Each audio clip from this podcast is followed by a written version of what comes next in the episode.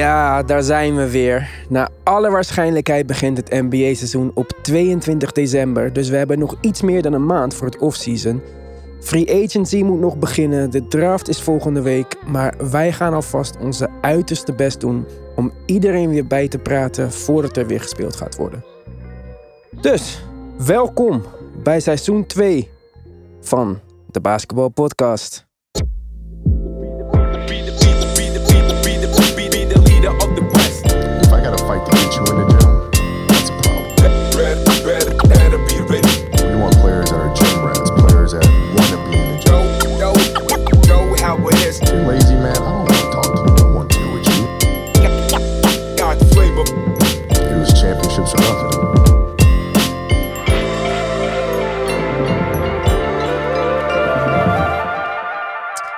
Ja, voordat we deze uitzending beginnen wil ik iedereen nogmaals vragen om ons alsjeblieft een 5 sterren review te geven op Apple Podcast.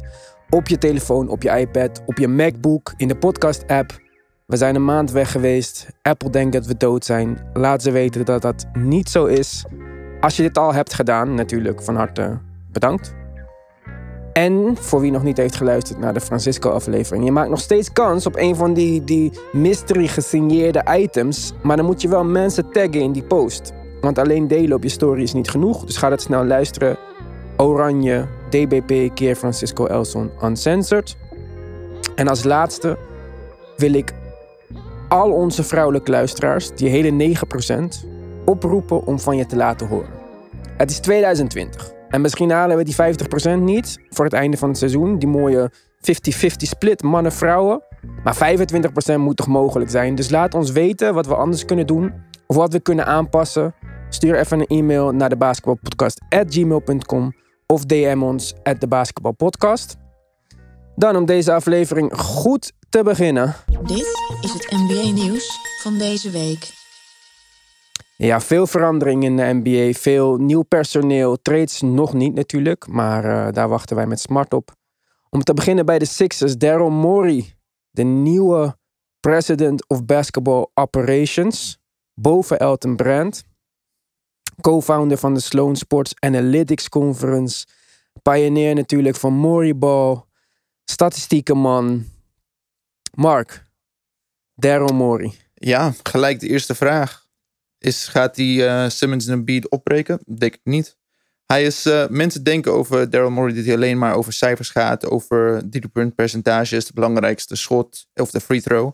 Maar eigenlijk is het dat Daryl Morey gaat over twee sterren vinden. En twee goede sterren. En daar omheen bouwen. En daar het beste team. Hij heeft bijvoorbeeld begonnen met Yao Ming.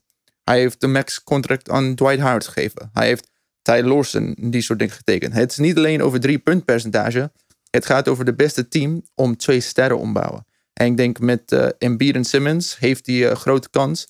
Hebben, hebben zij een grote kans. En met hem al aan boord kunnen ze echt veel dingen bereiken. Met een goede team rond hun voor de eerste keer in een tijdje. Oké, en met Daryl Morey en Doc Rivers op papier een fantastisch duo. Maar wel één met de verleden vertelde je mij voor de uitzending. Ja, zij hebben vroeger samen of ze kon, hadden de kans om samen te werken in Boston. En dan ook in Houston. En beide keren was eh, Doc Rivers niet echt aan boord om eh, onder Daryl Morey te werken. Dus best interessant dat ze ineens nu zo snel kunnen schakelen. En nu werken ze samen. Dus ik ben benieuwd hoe die samenwerking gaat eigenlijk eh, uitlopen. eindigen. Of- Ja, maar precies. Doc Rivers natuurlijk eh, wou de macht ook een beetje. Hij was general manager en coach een tijdje bij de Clippers. Misschien is dat een beetje tegengevallen en staat hij nu weer open voor een general manager. Qua coach Nick, ja, winpercentage 58%. Vorig jaar 49 wedstrijden gewonnen met eh, toch een beetje onze Clippers. Won met Boston ooit 66 wedstrijden, waarvan ik denk dat jij vindt dat dat niet helemaal alleen aan hem lag. Eh, heeft een titel gewonnen. Doc Rivers, nieuwe coach van de Sixers. Zeg het maar. Ja, nee, een, eh, een mooie nieuwe, een mooie nieuwe samenwerking. Vooral die samenwerking met Daryl Morey. Daar ben ik ietsje meer enthousiast over. Ehm, maar ja, Doc Rivers is wel iemand die mensen bij elkaar probeert te brengen. Eh, bij de Celtics is dat gelukt en kreeg hij daar heel veel credit voor. Maar het lag ook, ja, zoals je zei, grotendeels aan de groep zelf. Ehm, maar nu, ja, we, we, mogen zeker nog een aantal trades verwachten. Dus uh, Daryl Morey, ik had het eerder al gezegd, die, die heeft gemiddeld over een uh, tijdspanne van meer dan tien jaar gemiddeld uh, zes trades per seizoen.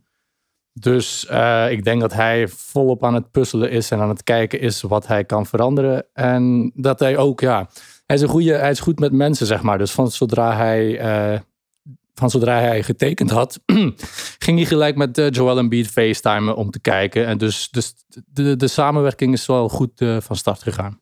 Ja, eindelijk dus een beetje, misschien wat stabiliteit uh, bij de Sixers. Daryl Morey, je zei het al, trade fanatiekeling. Maar toch goed voor het tweede beste record in de NBA in zijn tijd bij de Rockets van 2007 tot 2020. Dat is niet niks, zo'n lange periode om dan uh, met de tweede meeste winst te eindigen. Doc Rivers, ik moet het eerlijk gezegd nog maar zien. Ik vind niet dat hij vorig jaar bij de Clippers ja, iets heeft laten zien van dat waar hij dus juist zo goed in moet zijn, dat people managen. Maar hij heeft een, uh, een leuke bank bij elkaar gezocht. En Iemand waar ik heel erg enthousiast over ben, is Dave Yeager. Waarom ben ik zo enthousiast over Dave Yeager? Ik vond de Kings onder zijn leiding superleuk. Mm ik ben blij dat het niet Elvin Gentry is geworden, want die was eigenlijk rumored to be the lead assistant van de Sixers. En die is nu juist naar de Kings gegaan. Maar Dave Yeager, ja, in zijn tijd bij de Kings, top 4 in pace. Als ik iets leuk vind om te zien, is het Ben Simmons met snelheid. Dus dat lijkt me een fantastische fit. En Philly vorig seizoen negentiende in pace in de hele NBA. Het was echt niet om aan te zien. Dus ik hoop dat hij op het uh, aanvallende gedeelte dat er een beetje in kan brengen. Ik, ik denk echt dat Doc Rivers een beetje meer de uh, general coach is. En de overziener en de coach in de wedstrijd. Maar ik, ik geloof wel een beetje in die, die assistant coaches. En vooral in deze tijd met een Jager die eigenlijk head coach was. En bijvoorbeeld zo meteen bij de Clippers gaan we het over hun assistenten hebben die eigenlijk head coaches zijn.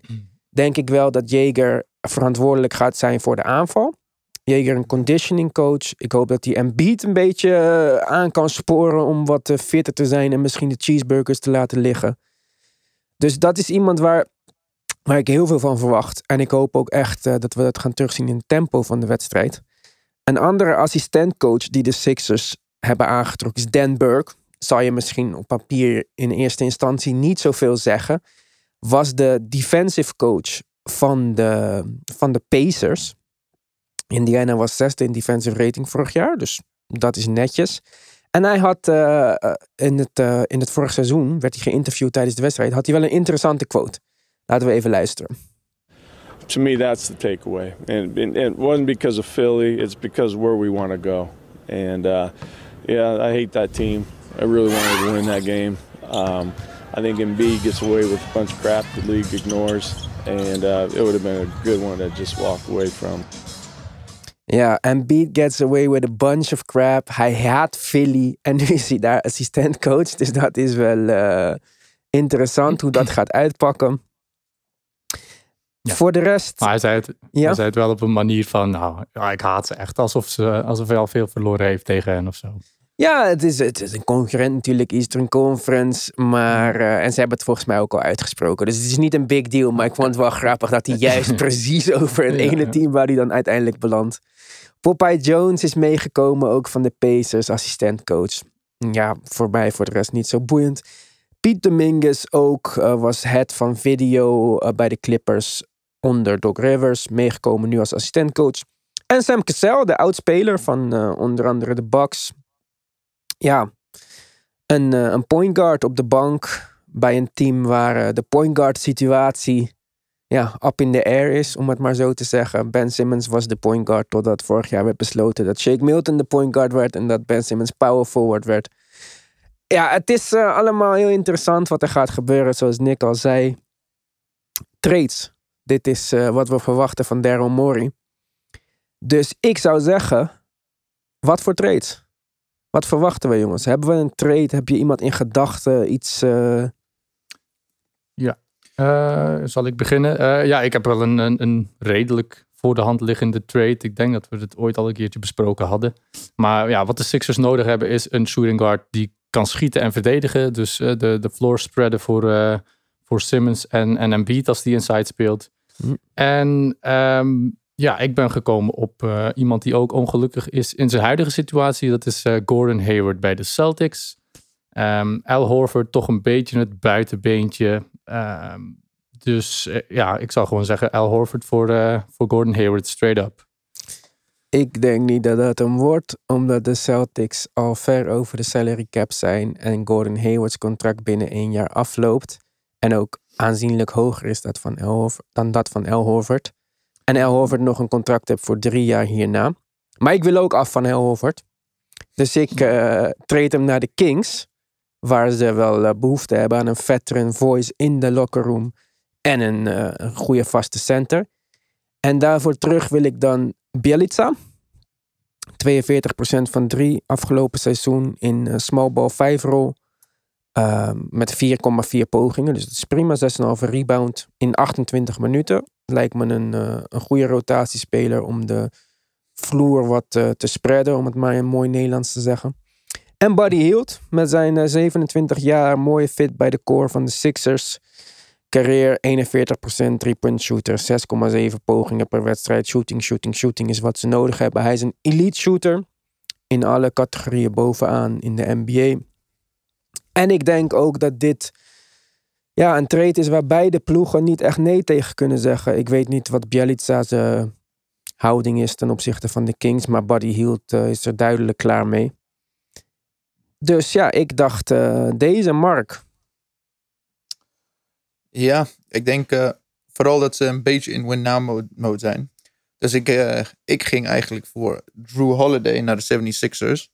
En Ik dat ben benieuwd hoe je dat voor elkaar krijgt. Vertel. Ja, dat krijg je voor elkaar als je Tybal plus Horford plus de 2021 first round pick zouden naar de Pelicans sturen. Ik denk het is misschien wel tricky voor de, voor de Pelicans, maar ik denk Drew Holiday is iemand die iedereen kan verdedigen en je weet dat je zal meestal je gaat tegen een van de grootste team, een van de grote teams in de NBA zoals de Clippers of misschien kom je ook tegen de Lakers weer in die finale.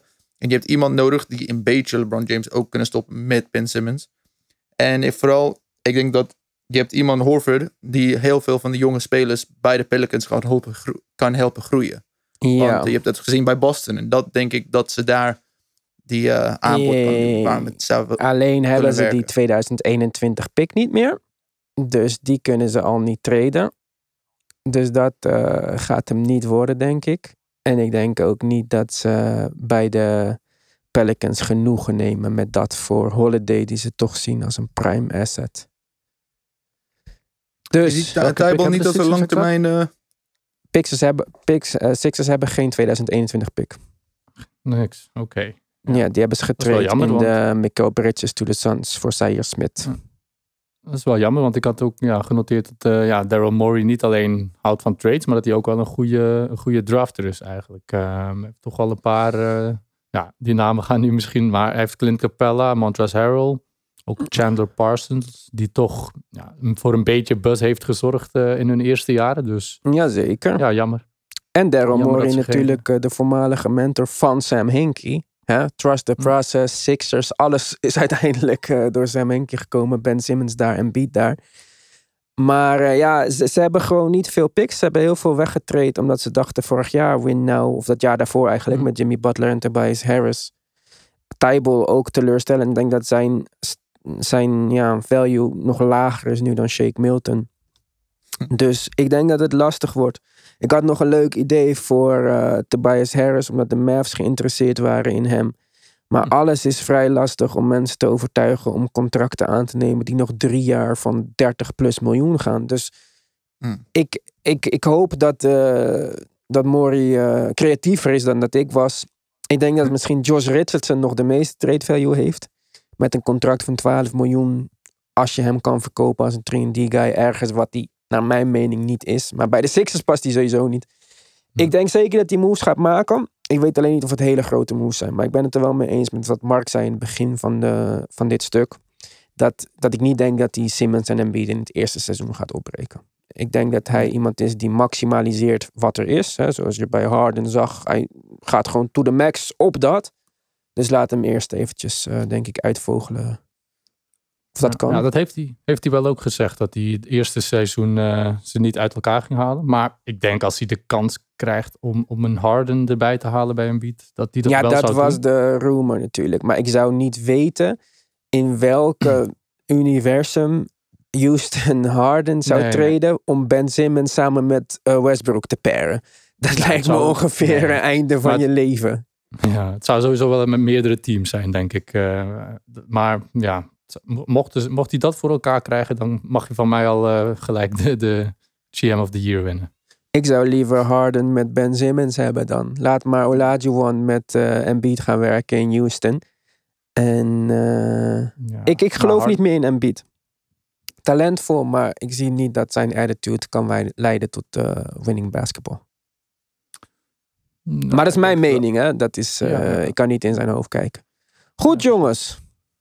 Dit is het NBA nieuws van deze week.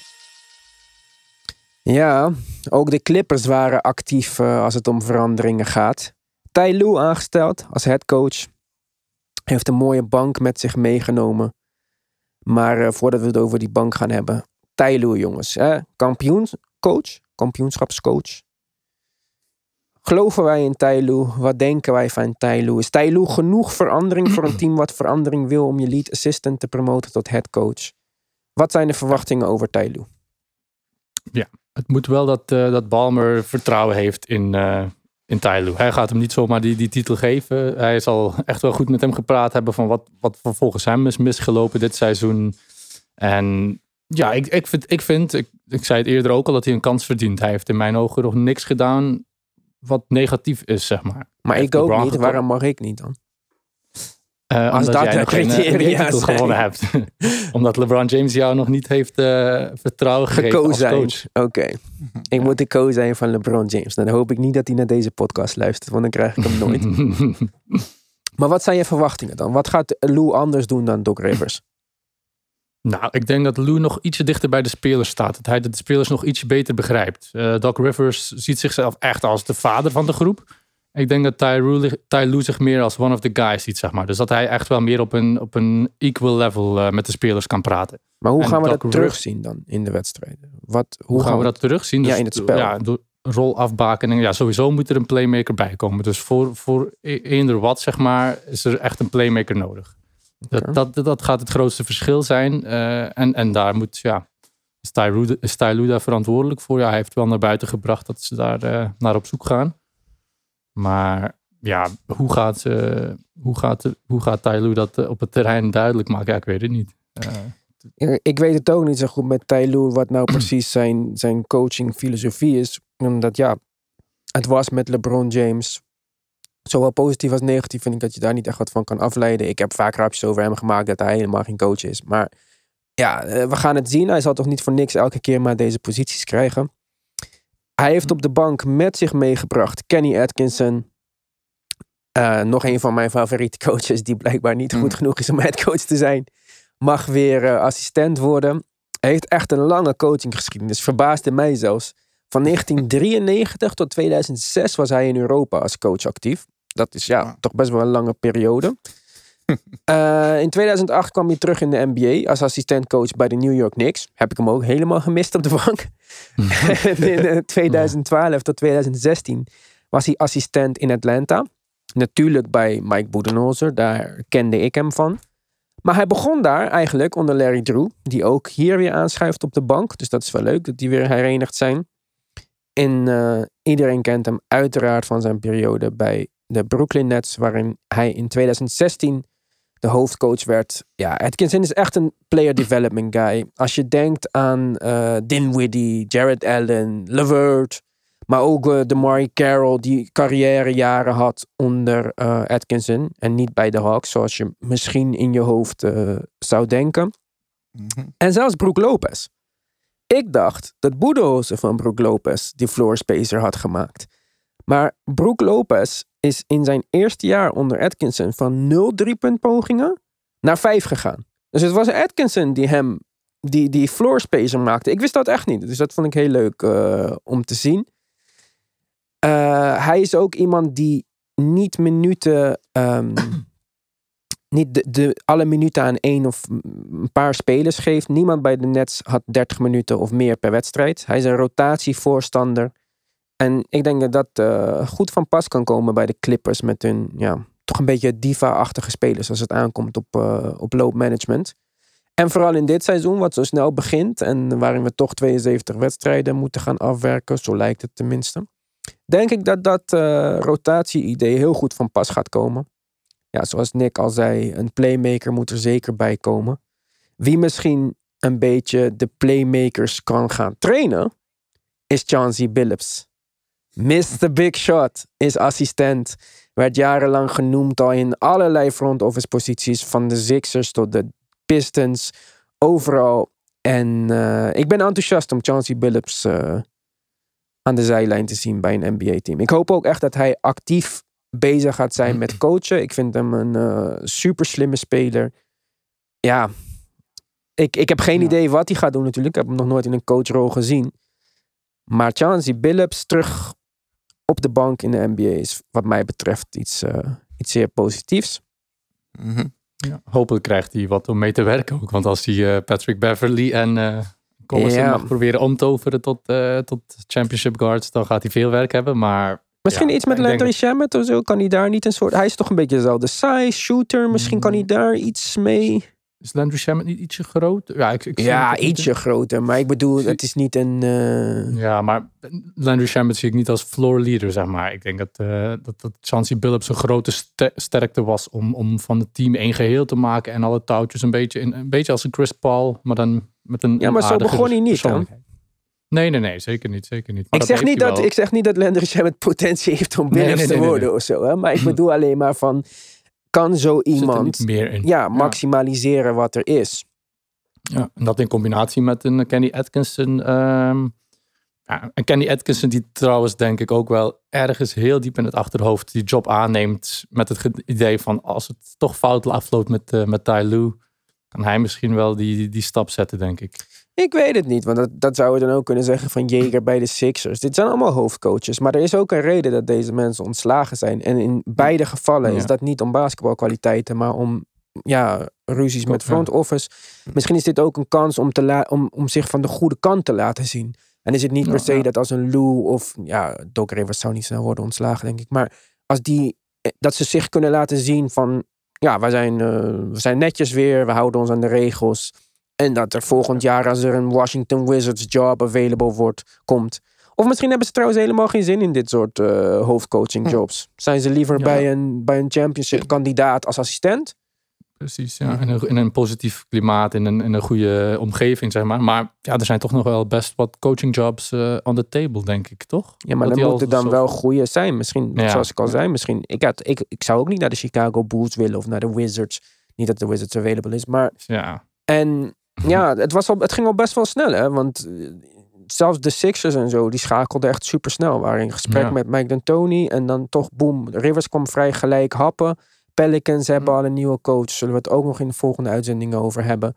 Dus de, de banen zijn best wel snel eh, van de markt verdwenen. En met zo'n kort eh, off-season weet ik niet of er ook nog andere beschikbaar komen. Soms heb je nog wel eens dat het twee maanden into de off-season iemand toch besluit van nou, met deze draftpick en met deze speler die we kunnen treden, denk ik toch dat het tijd wordt voor een nieuwe coach. En dat gaan we nu niet hebben. Dus misschien hebben ze gewoon eieren voor hun geld gekozen. Wou ze gewoon niet thuis op de bank zitten en dachten ze, nou, dan maar een goede Ja. assistant job. Net als Larry Drew, zoals ik al zei, ook eh, coaching veteran, ook hoofdcoach geweest. En dan hebben we nog Dan Craig bij de Clippers. Mark? Mhm. Ja, hij is eh, net gepikt van eh, Miami. Het is nog niet officieel, maar dat heeft iedereen aangekondigd.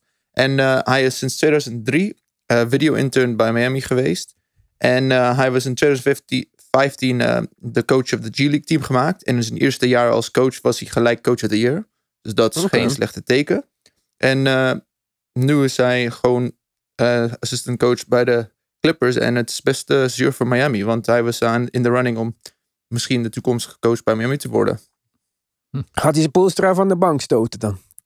Ja, hij is 38, dus hij zit op precies hetzelfde timeline als Spolstra. Toen hij gewoon Ah, hij was zo gewoon bedoel heel je. lang daar. Dus Ja, het is wel interessant dat gewoon hij nu bij de Clippers is. Want hij is ook een beste goede man manager. Dat hebben ze gezegd in de G-League over hem. Oké. Dus het is, het is raar dat ze hebben zoveel mensen die gewoon eh, man Ja. of player manager zijn. Ja, ja, dus ze hebben het wel, wel goed met elkaar of goede onderzoek gedaan, vind ik. Ja, ze hebben, ik vind ook dat, eh, dat hun bank eh, heel goed in elkaar zit. Kijk, je- Hm. wat ik al zei, ik, ik heb geen idee wat Billups gaat doen. Maar toch met die namen als een Atkins en Billups en zo'n coaching veteran als Drew en zo'n guy van een upcoming team als Dan Craig. Ja, dan je doet in ieder geval wat. Ik, ik vind het wel, eh, ik vind het wel positief Opgeven. dat we al die, die grote namen zien als eh, assistenten. Want het is ook Hm. een team effort, denk ik, coaching. Het, is- het is niet Hm. één iemand. Hm, Nee, één, precies. één coach kan één ding bijdragen dat als een ander het niet bijdraagt, dat het zeg maar niet, eh, nooit zo goed had kunnen zijn. Dus elke coach heeft zijn eigen, ja, heeft zijn waarde toch wel, zeker. De ene komt wat beter met die speler overeen, de andere begrijpt die beter. Dus, dus het is echt eh, ja, een beetje, ja, echt wel eh, verbazingwekkend hoeveel grote namen ze, ze hebben kunnen regelen hiervoor. Ja, de Hm. grootste naam gaan we natuurlijk zo meteen nog bespreken. Maar nu nog even over de Clippers. Het rooster is wel een beetje... ja, wat gaan we doen eh, eigenlijk? Eh Oh, Montrezl Harrell free agent. Marcus Morris free agent. Patrick Patterson free agent, voor wat het waard is. En Reggie Jackson free agent. Mhm. Zijn over de cap. Eh, ze zijn limited op een non-taxpayer mid-level exception. Dus dat is 9 miljoen, 10 miljoen. Ik dacht gelijk 9 miljoen, 10 miljoen. Wat hebben ze nodig? Playmaking, rim protection. Die playmaking kan je niet krijgen voor 9 tot 10 miljoen. Haal maar die rim protection voor 9 miljoen. Ibaka? Rim protector van de Clippers voor volgend jaar? Het zou wel een hele goede zijn, eerlijk gezegd. 9 miljoen, Ja. waarom niet? Ik denk niet dat hij Ja. veel meer gaat krijgen. 9, 10 miljoen. Maar echt als, als vijf speler, als vaste vijf speler. Mm, als, eh, ja. hou van die bak. Maar Hij ja. mag zelfs, Want- Zubats mag blijven starten. Maar Ibaka kan Hmm. die minuten maken. En je hebt hem vorig jaar gezien. Hij kan de floor spacen. Hij was heel belangrijk voor de Raptors met Tries ook in het kampioenschapsjaar. En ik denk gewoon dat ze... Kijk, Zubats, ik vind Zubats echt goed. Maar in sommige gevallen was hij niet man genoeg om een opposing center te verdedigen. En Montres, of hij nou blijft of weggaat. Want als hij blijft, dan kan je niet Ibaka ook nog van de bank laten komen natuurlijk. Of misschien Nee. ook wel. Maar Montres is gewoon verdedigend niet goed genoeg. En hij is niet groot genoeg. En hij kan niet schieten. En wat mij betreft mogen ze ook afscheid nemen van Montres. Maar liever in een zijne trade dan, dan hem gewoon laten gaan. Maar ik denk echt dat Ibaka een uitstekende aanvulling zou zijn eh, voor de Clippers. Kawhi is gewend om te verdedigen met iemand anders die zijn rug in de gaten houdt. Dus Mhm. ehm, ja, ik zie Ibaka echt als een ideale kandidaat eh, voor die eh, non-taxpayer mid-level exception. En dat is alles wat ze kunnen bieden qua geld, want ze zijn over de cap. Dus eh, Maar kunnen Ja. ze niet, want ze hebben Steve Ballmer, die, die betaalt luxury tax eh, zonder problemen. En hij wil gewoon winnen, winnen, winnen. Dus eh, ja, maar je kan niet iemand zijn als je over de cap bent. kan je, niet. ja. je mag iemand resignen als je birthrights Ja. hebt om over de cap te gaan. Dan kan je in de luxury tax komen. Maar je kan niet, als je over de cap bent, kan je geen free agent zijn. Niet, Ja, niet voor iets anders dan het dus, minimum. dus dan maakt Ja, Dus ze hebben Ja. dit, dit is die uitzondering. En dat is de non-taxpayer mid-level exception. Als je taxpayer mid-level exception is nog minder. Zij zijn niet in de Mhm. tax. Dus zij mogen een non-taxpayer mid-level exception. Die komt rond 9 of 10 miljoen. Dat moeten we nog Mhm. afwachten waar de cap eindigt. precies. Dit is het maximale wat ze kunnen doen. Maar daarentegen kunnen ze deze uitgeven. En Montres zijn er voor 50 miljoen per jaar. Dat maakt niet uit. Daar mag je over de Ja. cap gaan, zeg maar. Mm, mm, mm. Als je birthrights Oké. hebt voor een speler, mag je over de cap gaan. En dan kom je wel in de luxury tax. En dat kan weer leiden tot repeater tax en al dat soort dingen. Maar dat is een hele financiële uitzending. Ja. eh. Daar, daar zijn ze al, al 16 miljoen over. En met hun zonder gewoon Montrez of uh, Murray. ja, dus ze komen sowieso in de luxury Dus- tax. Dit is Dan, ja, als je gewoon Marcus en, en, en uh, weet het, weet het, en Montrez Harrell al tekent, dan ben je al 60, 70 miljoen in de luxury tax, hè? ja. Als ze volle contract heeft. Dus ja. En ik denk wel dat ze rijk, Marcus maar Morris- je bent niet zo rijk. ja, en ze hebben ook een pick gegeven van Marcus Morris. Mhm. Ik kan me niet voorstellen dat ze hem zomaar laten gaan. Ik, ik weet niet waarom. En ik ben echt tegen dingen op gevoel zeggen zonder eh, gefund. Fundament, ja, iets met een basis. Fuck it. Maar ik hoop en denk en bid dat zij Montrezl Harrell in een sign and trade naar een ander team traden. Het is leuk, die Six Man of the Year. Leuk, al die statistieken van de bank. Zal zo meteen ook Hustle in, Award. Hazel Award, fantastisch. Je zal zo meteen ook in mijn, in mijn trade zien dat ik ook afscheid neem van Lou Williams. Dus al die mensen mogen weg. Trade hem naar, ik weet niet welk team zit te wachten op hem. Misschien zelfs een Dallas Mavericks of zo. Die denkt dat dit hun center kan zijn naast, ehm hoe heet die, Porzingis.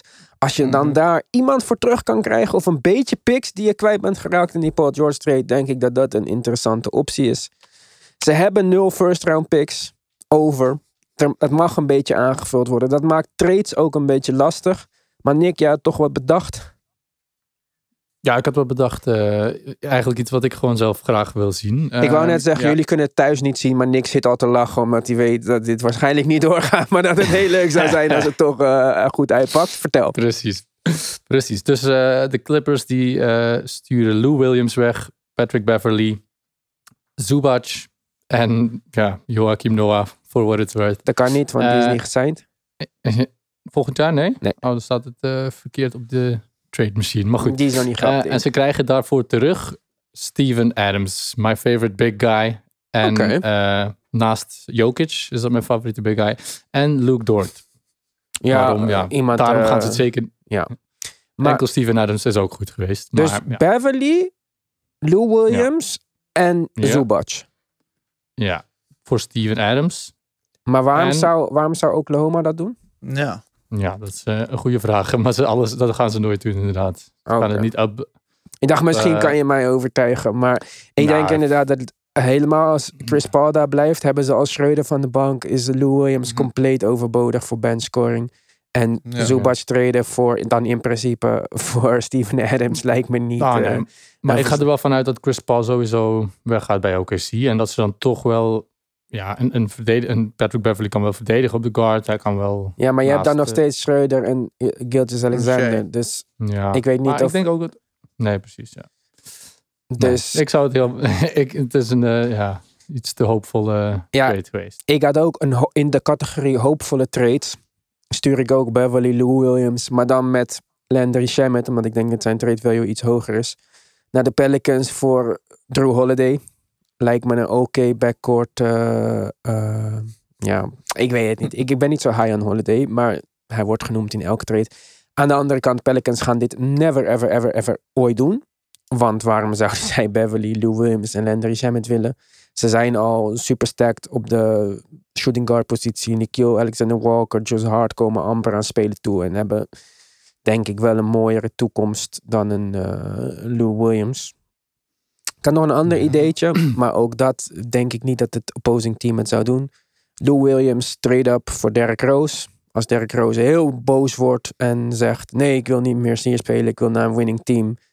Dat ze misschien denken... Oké, dan kunnen we Lou Williams nog traden aan het eind van de trade window... voor iemand, voor naar een contending team.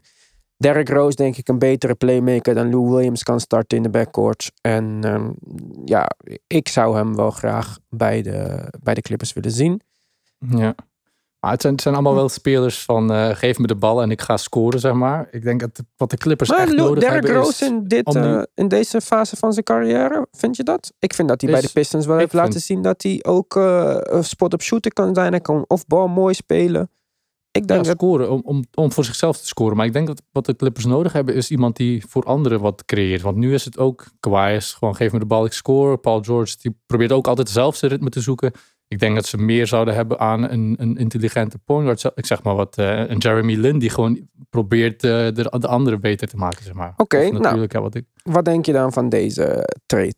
Eentje voor een misschien op papier dat je denkt mindere speler, maar past volledig in wat jij net zei. Alfred Mhm. Payton, New York Knicks. 8 miljoen contract kan je één op één treden met Lou Williams. Plus dat je dan misschien als de Knicks gekke dingen gaan doen en denken dat ze dit jaar al ingaan. Dat ze denken, oh, ik heb Lou Williams nodig. Alfred Payton is, ehm, ja, kan weg. Krijg je er misschien nog een pick voor. En de Knicks hebben een hoop picks. Alfred Payton is een hele goede verdedigende guard. Underrated passer. En hoeft de bal niet te hebben. Grote guard. Lijkt mij in ieder geval een upgrade eh, op de point guard positie voor de Clippers. Wat denk je daarvan? ja, ik moet eerlijk zeggen, ik heb Alfred Payton niet eh, zoveel zien spelen om, om, om echt een, een goed beeld van zijn spel te hebben. Maar als hij, echt, als hij wel een goede passer is. Maar je moet echt wel pass first. Is echt wat ze nodig maar hij is hebben, sowieso geen score first guard. Nee, oké. nou, dan, dan kan het zeker een mogelijkheid zijn. En een pick erbij. Ja, dit, ik zeg het, we, we, we hebben nu echt samen liggen zoeken naar een goede oplossing. En, en het is echt heel moeilijk om wat te bedenken voor de Clippers. Ah, Dus, ik, ik heb al een best goed idee. Als, ze gewoon, als, we alleen, als we niet gaan focussen op een center die Jokic kan verdedigen, dan als we voor point guard gaan kijken, je zou eigenlijk gewoon Landry Shamet naar de Pacers kunnen sturen als hun coach bijvoorbeeld weer, meer- weer meer wilt focussen op shooten. Zou je Aaron Holiday voor Shamet gewoon één voor één kunnen, kunnen vervangen, heb je een redelijk jonge en best goede point guard. Die, kan, die schiet ongeveer 40% van de drie ook. Dus dat is gewoon iets waar je gewoon ineens wat kunnen, he- kunnen hebben. Dat is beter dan Beverly, dat is beter dan Reggie Jackson. En die zou hem ook kunnen molden. Voor wie? Aaron Holiday. Aaron Holiday, broertje van. Ja, Ja, Maar dan ga je wel Justin en Aaron opbreken. Ik weet niet of die broertjes van elkaar afscheid willen nemen. En wij weten ook niet wat de Pacers gaan doen. Uh, Oladipo is rumored to want a trade.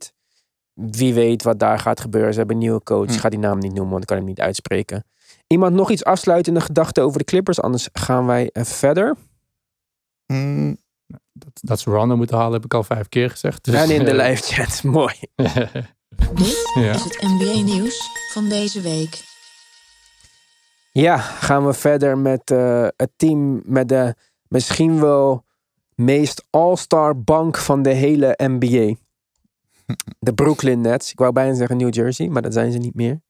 Steve Nash is de head coach. Hij neemt mee, zoals het velletje wat we vroeger deden, Ime Udoka, de oude assistent van Brett Brown, daarvoor bij Pop. Mike D'Antoni, wie kent hem niet.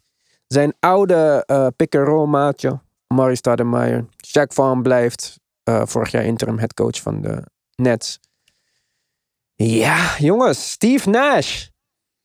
Van een Ja. advisory rol bij de Warriors direct naar headcoaching.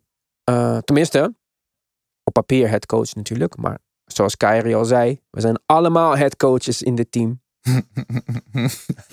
Gedachten over Steve Nash, headcoach van de Brooklyn Nets. mm. ja. Mark, jij mag eerst. Ja, kijk, het is niet alsof dit soort dingen werken niet. Hè? We hebben het een aantal keren gezien met Larry Bird toen hij ineens een van de beste, beste coaches was als vanaf speler naar dat. Steve Kerr deed echt heel goed. Nick Nurse had al een coaching background, had al een coaching Ik wou, background. net, ik wou maar alweer... eerste jaar, maar Nick er zijn Nurse wel een aantal eerst, eerstejaar coaches die ineens van TV komen. Mark Jackson deed het redelijk goed. Dus het is niet, het is niet alsof je gooit, go- je gooit een bal gewoon in de, en, ja, in, In de lucht. in de lucht en je, weet, en je weet niet wat gaat gebeuren. Het is wel een goede team, maar hij heeft echt een van de betere assistant coaches. Die heeft net een. Mike D'Antoni heeft bijna de Warriors verslaan. Een van de beste teams die we ooit zouden kunnen zien of zullen zien. En eh, zolang dat je jezelf met goede mensen om, omcirkelt, kan je nooit echt foute dingen doen. Dus ik denk het zal gewoon Ja. vooral goed zijn. De beste spelers hebben hem zelf gekozen, wat niet altijd de beste is, maar daar worden ze wel blij van. En dit zijn twee spelers waar je hun altijd blij moet houden. Anders krijg je het beste niet uit hun. Dus ik ben eigenlijk best optimistisch over het. En ik denk dat ze wel. De, dit is een team die eigenlijk kampioenschap zouden kunnen winnen. Zelfs als ze Ja. geen trades zouden doen. Dat denk ik niet. Maar eh, je sprak over ervaring op de bank. Niet alleen Mike D'Antoni, ook Ime Udoka natuurlijk. Assistent, wat ik al zei, van Brett Brown vorig seizoen. Maar daarvoor onder Pop. Hij komt van de Spurs eh tree. Misschien een soort van eh, verstandige tegenhanger in de, om de coaching table. Ten opzichte van eh, de rest die allemaal eh, ja, de, de longen uit hun eh, lijf willen rennen. Mike Mhm. D'Antoni, ja, denk misschien wel de, ja, de meest prestigieuze assistentcoach in de heel- hele NBA. Winning percentage van 56% in zijn 16 seizoenen als hoofdcoach. Dat is eh, ja, niet niks natuurlijk. Pionier van de 7 seconds or less offense. Eh, ja, heel veel successen gehaald met Steve Nash en Amari Stoudemire. Naast wie die nu op de bank zit in 2006, 2007. Toen hij met, eh, met Nash de conference finals haalde. Was het team het derde in pace. Met Houston was hij vorig jaar tweede in pace. Ook alleen maar getijd met Elvin Gentry's Pelicans. Waarvan hij weer eh, de headcoach was. eh, toen Elvin Gentry assistent was. Dus ja, pace, pace, pace, pace, pace. Brooklyn was al zevende vorig jaar. Ik zou zeggen, Eerste in pace volgend jaar in de NBA Brooklyn Nets is een weddenschap die ik wel wil aangaan. Als het niet voor Kyrie is die de bal af en toe een beetje ophoudt. eh. Maar ja, dat doet James Harden ook. Ik had eigenlijk verwacht dat Houston wat was gezakt met eh, pace. Omdat Harden toch veel ISO't in half-court offense. Mhm. Maar nog steeds zijn ze daarmee derde. En dan denk ik dat dit team nog uitzonderlijk veel meer geschikt is om te rennen. Of het nou met DeAndre Jordan is of Jared Allen. Dat zijn beide eh loopfinishers. Eh, ja, ik ben wel enthousiast. Ik denk dat het een heel leuk team kan worden. En ik hoop dat al deze ervaring en toch een Steve Nash en Mike D'Antoni ook, ehm hoe heet die guy, Kyrie een beetje gaan doen luisteren naar iemand. Want Kyrie heeft wel ten alle tijden een beetje het gevoel gehad dat hij groter is dan de coaching. En dat kan hij nu onmogelijk hebben. Ik denk dat Kyrie Mhm, een beetje... nou. ja, oké. Maar ik denk dat... Hij heeft een ring, de rest eh, niet. Ja, dat Klaar. is wel zo. ja, dat is wel Klaar, zo. ja, zo Ja, Udoka zo- heeft een ring, maar oké. KD heeft er twee, dus dat, dat gaat ook onderling. eh, Ja, goed, Mike, ja. Dan, Mike D'Antoni is assistant coach bij het Olympische, bij het Olympische team geweest. Hè? Hij heeft een paar gouden medailles. ja. Nee, oké, maar ja, je Amari inderdaad. Stademeyer heeft een titel in Israël. eh, Niet te vergeten. ja, maar inderdaad, nee, je punt is dat, dat de Kyrie eh, meer, meer dan ooit nu toch eh, ja, een beetje op, opkijkt niet, maar toch eh, gaat luisteren naar de, naar de coaching. Hopelijk denk is ik ook. mijn punt Ja, dat. Hopelijk, ja. Ja. En eh, Amari Stademeyer, ik dacht echt dat hij assistent was. Maar hij is player development assistant. Dus ik weet niet wie hij gaat developen bij de Nets. Of dat nou Kuruks is of Allen of zo. Ja. Ik denk, ik, ja, ik weet het niet. Nou, hij, is, hij is meer een, een DeAndre Jordan type speler geweest. Als in screen Ja, maar die kan hij niet vangen. developen. Gewoon begeleiden. Al is het maar gewoon elke dag een praatje mee doen en zorgen dat hij gelukkig is. Dat is ook developen. Dus dat, Ik zou eh, echt wel willen meeluisteren met hun ja, gesprekken. ja, ik, dan, ken ook Stoudemire zijn persoonlijkheid niet. Dus ik weet ook niet of hij echt een, eh, een, een- een- wat, wat voor type hij is, zeg maar. Maar ja, ik denk dat hij er gewoon... eh, dat Nash misschien gewoon... hoe zeg je? Throw him a bone. eh, dat, dat hij... Ja, dat dacht heeft. ik ook eigenlijk. Dus ik wacht nog op een eh Sean Marion, Boris Diaw en Raja Bell eh, eh, Ja. een rol Nee, Rajabel hebben ze Rajabel gaat het niet doen, heeft ze al gezegd. eh. Ja, ik dacht dat hij wel wilde. Ja. Nou, omdat, omdat ze voor zijn kinderen, dan moet hij verhuizen. En omdat ze toch zonder publiek gaan spelen, gaan zijn kinderen dan ook niet echt in contact komen met de spelers enzovoort. Dus het was voor hem niet heel interessant, zei hij een keertje. oké. oké. Nou, Ja. dan eh, kijkend naar het rooster. Ziet er best wel goed uit. Maar niet eh, volgens eh, Kyrie. Want die zei dat we een derde ster nodig hebben. Ja, als derde ster misschien. Ik vind Levert heel goed. Ze hebben free agents. Ehm, Wilson Chandler is free agent. Ik weet niet hoe boeiend dat is. Wie wel boeiend is, is Joe Harris. Een van de beste driepuntschutters in de NBA. 45% van drie laatste twee seizoenen. 5,5 pogingen. Belangrijk voor een Kyrie dat er iemand is die niet in de weg staat als hij eh, naar binnen wil. Ik weet niet of ze hem kunnen gaan eh resignen. Ik weet niet, Joe Harris, hoe zijn persoonlijkheid past bij dit nieuwe uh, sterrenduo. Mhm. Dat is een goeie. Ja, en eh, ook zij zijn uiteraard over de, over de cap. Ze hebben zelfs eh Kyrie en, ehm, hoe heet die? Eh KD hebben zelfs salaris ingeleverd, zodat DeAndre Jordan daar kan spelen. Maar zelfs met dat hebben zij een salary cap of een salary payroll van 140 miljoen. Dus dat is al 31 miljoen Mhm. over de cap. Zijn dicht bij luxury eh, Mhm. Ja, jongens, dan moeten we gaan traden. Nu heb ik eh, wel een interessante trade, denk ik. En ehm, ja, Drew Holiday wordt eh, ongeveer bij elk eh, contending team genoemd als een mogelijke kandidaat. Alleen, zoals we net al bespraken bij de Clippers, alles wat ze ervoor kunnen terugkrijgen is, is heel weinig. Vooral omdat die teams al zo stacked zijn door de trades die ze hebben gemaakt, dat er geen picks meer over zijn. In hoeverre de Pelicans geïnteresseerd zijn in picks, weet ik ook niet. Want ze hebben echt een, een, een, een waarhuis vol met picks gekregen van de Lakers. En eh, ja, maar ehm, mogelijk zijn ze geïnteresseerd in eh Caris LeVert en Spencer Dinwiddie voor Holiday. Dat werkt. Twee voor één. Wat krijgen de Pelicans daarvoor terug? Een possible all-star shooting guard wing in Levert.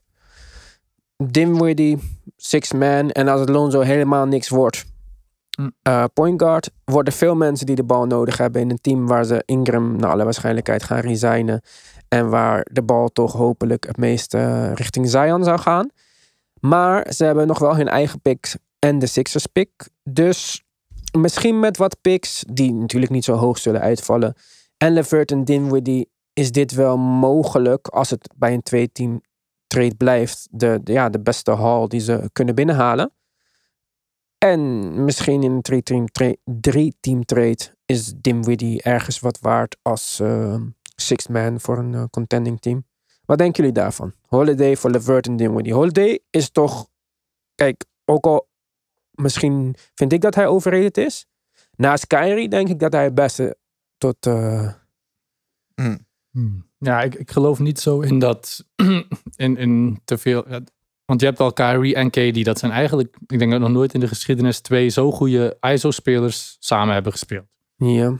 En ja, Drew Holiday is eigenlijk ook een beetje een ISO-speler. Dus Tot nu. Dus, eh, tot nu, ja. Zijn beste jaren heeft hij gehad toen hij bij Rondo, toen Rondo bij hem speelde. Ja, maar, dat Rondo dan, hem. ja, maar dan is Rondo toch... Is ook, ook een, echt een ball-dominant guy.